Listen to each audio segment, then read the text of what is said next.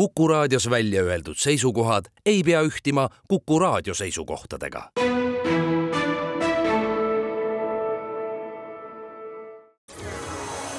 loodusajakiri, vaata ka looduseajakiri.ee. tere ja rõõmsat jaanilaupäeva õhtu jätku.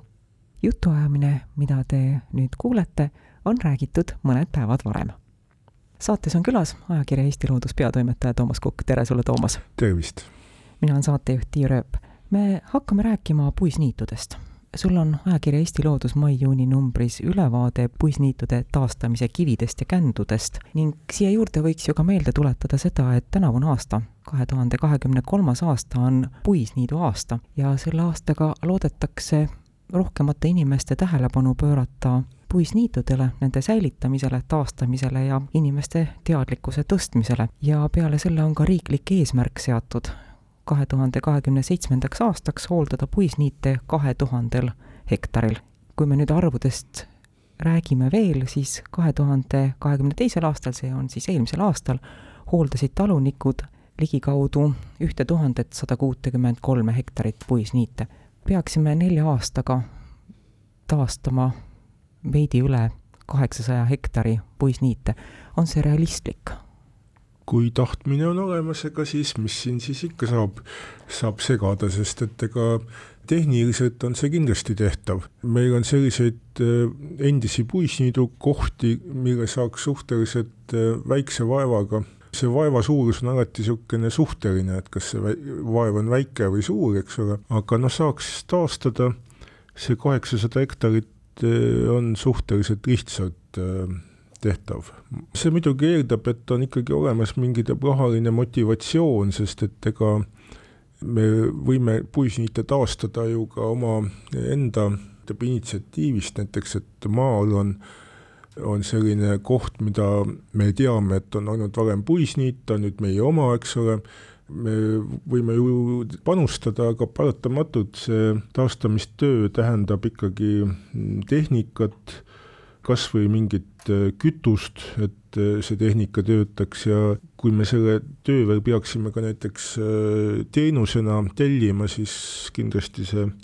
teenuse tegija tahaks sellest raha saada teine teema, millest praegu palju räägitakse, on soode taastamine. soode puhul see on nüüd jutumärkides, on mõneti lihtne. Kui me taastame veerežiimi, siis võib minna ka nii, et inimese abikätt rohkem ei ole vaja, loodus hakkab ise toimetama. ühe puisniidu puhul vist nii ei ole. puisniitude puhul on tõesti nii, et äh, sama tähtis kui see taastamine on ka see, et pärast taastamist seda puisniitu majandatakse. puisniitudel on väga sarnased puiskarjamaad niit ja karjamaa äh, mõistetena ongi selles mõttes erinevad, et niit viitab sellele, et niidetakse, kas siis kuidagi käsitsi või mingi tehnika abil, ja karjamaal teevad sama töö siis äh, tõbloomad, kas siis lambad, veised, hobused. Ja võibki ka näiteks niimoodi teha, et kui me oleme selle puisniidu taastanud, metsast, äh, põõsastest puhastanud, et ütleb, esimestel aastatel ongi see tegelikult ütleb karjamaa, et seal on näiteks käivad lambad, kes hoiavad siis ka neid puistaimi vaos ja siis edasi, kui juba on näiteks kännud on juba mädanenud, kadunud ja, ja tekkinud selline ühtlane ütleb rõhukamal, et siis me hakkame niitma. sest et noh, tihtipeale on ka nii, et kui me taastame puisniidu metsast, siis seal all see, rohttaimestik on suhteliselt äh, kesine ja ta peab seal paranenud valgustingimustes hakkama kujunema. kui inimesel on oma maatüki peal üks äh, vana heinamaa ja sinna on juba puud peale kasvanud ja ta mõtleb, et äh, tegelikult oleks ilus, kui lastelastele jääks sinna puisniit kuidas ta peaks seda kohta vaatama, millele ta peaks mõtlema, millised eesmärgid ta peaks kõigepealt endale püstitama, et see kõik oleks realistlik? eks ta on selline asi, et peab vaatama oma seda võimekust, et äh, millised on, ütleb äh, eeskätt enda tahtmised ja kui palju aega on, sest et ega noh, näiteks suvel kuskil suvilas või maakodus niitmine võiks olla päris kena vaheldus peale selle, et niita hektarite kaupa ta muru, eks ole, vaid vaid võiks ka võtta vikati või mingi noh, näiteks trimmeri ja sellega minna puude vahele, et tähendab, üks asi on see, kui palju aega on ja, ja ka teine, et, et kui palju sinna saaks nagu panustada, sest et eks see niitmine, kui me ka niidame ainult enda lõbuks, siis mingi summa ta võtab eh, paratamatult noh, võib-olla tõesti, kui vikat on olemas ja, ja on soov vikatiga niita, siis on ainult enda töö, aga noh, muidu ikkagi on vaja osta kütust, mingeid abivahendeid, nii et mingid summad sinna peale nagu eh, kuluvad. aga, aga ta muidu on ikkagi mõtet vaadata, säilitada eeskätt neid kohti, kus on eh, niidutaimestik veel säilinud sealt võtta maha eeskätt sellist nooremat põõsastikku, eh, neid kohti niita, hein tuleks kindlasti mm, pärast niitmist kokku panna, ära viia, et ta ei jääks maha, et eh, pigem on, eh, võiks alustadagi sellest, et säilitada veel kõige paremas seisus olevaid niidukohti ja sellise suurema metsa kallale võiks minna siis, kui mm, on, on juba teised kohad tehtud juhul, kui minnakse suurema metsa kallale, näiteks kena talgu korras, tuleb suguvõsa kokku, tehakse natuke küttepuid ja selle tulemusena tekib ka võimalus rohttaimedel kasvama hakata. ega nad esimesel suvel sinna ju ei tule. kui kaua peab kannatlikkust olema või kas ma äkki võiksin nii-öelda järele aidata ise seemneid külvates? ma võitab arvan, et seemneid ei ole siin Eesti tingimustes eriti külvata vaja, et need tulevad need taimed jõuavad kohale üsna kiiresti, et, et noh, see võtab tõesti päris mitu aastat, esimene aasta pärast taastamist ei pruugi see pilt veel puisniitu või niitu väga meenutada, et kohati on ikka paljast mullapinda ja, ja kände aga noh, eriti kui seal mõnel teeb esimesel aastal pidada eh, näiteks lambaid, kes on väga head seemnete kohaletoojad oma villas või, või ka jalgade küljes, siis pilt hakkab üsna kiiresti muutuma. minu kogemus on küll selline, et et selline päris metsast taastatud puisniit näeb juba mingi kahe-kolme aastaga ikkagi päris niit välja, et ta on juba nagu puisniit ja mullas on tavaliselt selline seemnefond, et, et seal on pidanemisvõimelisi seemneid, nii kui nad saavad valgust ja, ja paremaid tingimusi, hakkavad kasvama, kindlasti tuleb neid seemneid sinna juurde ka siis, kui te seal näiteks lambaid ei pea, tuulega,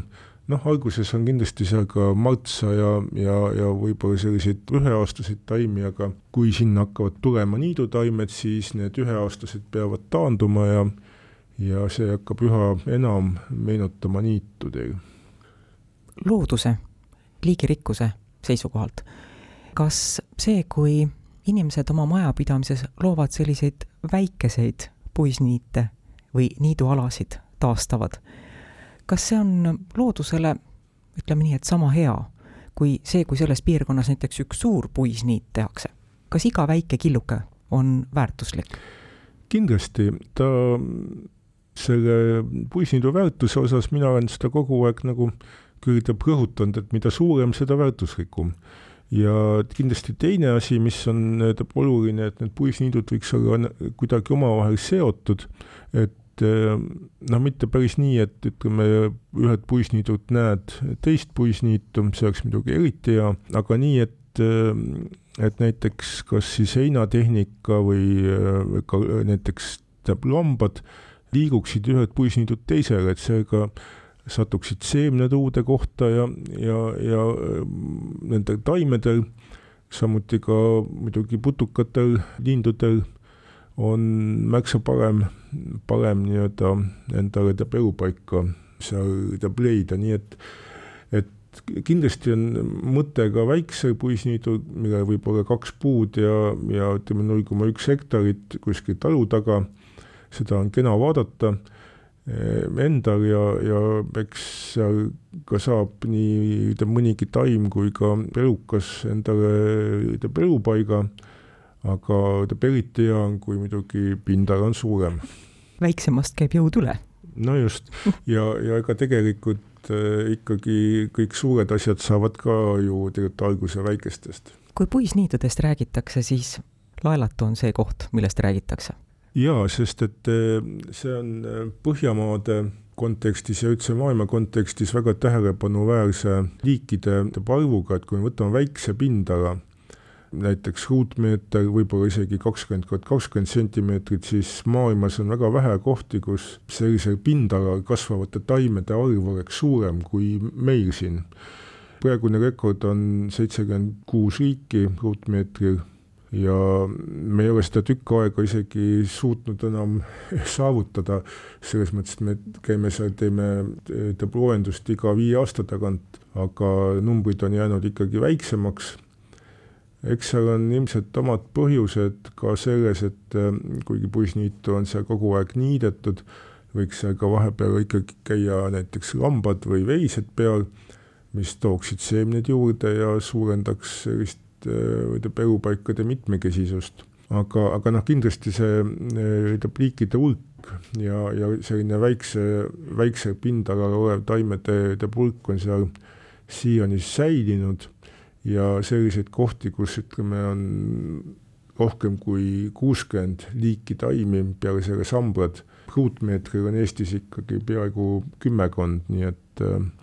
et selles mõttes on Eesti puisniidud täiesti maailma mõttes äh, väga tähelepanuväärsed. mul oli plaan esitada hoopis teine küsimus, lihtsalt äh, nimetada ära seda, et laelatu puisniit on see, millest alati räägitakse, kui puisniitudest on juttu, aga meil on ju veel palju toredaid puisniite. kas laelatu on sinu lemmik või on mõni teine puisniit, millele sa hea meelega praegu tähelepanu pööraksid? No eks ta on ikka jah, see on nagu see esimene nii-öelda armastus, mis ei lähe meelest ja, ja on kogu aeg hinges. et eks ma olen seal puisniidul veetnud ikka, ma ei tea, kokku päris hulk kuid ja, ja, ja ta on niisugune tore koht, kuhu ma ütleb alati heal meelel tagasi lähen. aga Eestis on muidugi selliseid puisniite kuhu võiks minna ja nad on kergesti kättesaadavad päris teisigi, et äh, Pärnu ja Prihula vahel on meil äh, Koonga vallas Nedremaa puisniit. Nedremaa puisniit on, on üks suuremaid äh, niidetavaid puisniite Eestis siiani, ikka vähemalt mingi kuuskümmend, seitsekümmend hektarit on aastast aastasse niidetud, sel talvel on see ka taastatud veel juurde, ta on kohe kahel pool Kalli Pärnu-Jaagupi maanteed, väga kergesti leitav, väga kaunis, samuti tulevad meelde kohe Matsalu puisniidud, näiteks Allika puisniit, Viidumäe puisniidud Saaremaal, kindlasti Tagamõisa puisniit, mis on olnud viiekümne kaheksandast aastast kaitseala. noh, teab Lõuna-Eestis äh, on puisniitega olnud äh, tegelikult varasemalt vähem, aga näiteks Koiva puisniidud Koiva jõe kaldal on samuti väga toredad, et sinna võib-olla peab äh, nagu eraldi minema, et ei ole kohe päris niimoodi kahel pool maanteed, aga, aga tähendab kindlasti soovitan, nad on teist tüüpi, teistsugused, seal on vanad tammed, aga, aga noh, ta on, puud ei ole nii tihedalt võib-olla seal puisniidul, aga vaatamata sellele on ta kohapealse taimestiku mõttes väga, väga tähtis koht, et äh, niidutaimed saavad seal kenasti kasvada aitäh, Toomas Kukk! saatejuht Tiir Ööp ütleb tänusõnad ka kõigile, kes meid kuulasid. järgmisel nädalal, kui kõik läheb nii, nagu plaanitud, on saates külas Andrus Mölder ja me räägime inuitidest. jälle kuulmiseni! loodusajakiri, vaata ka looduseajakiri.ee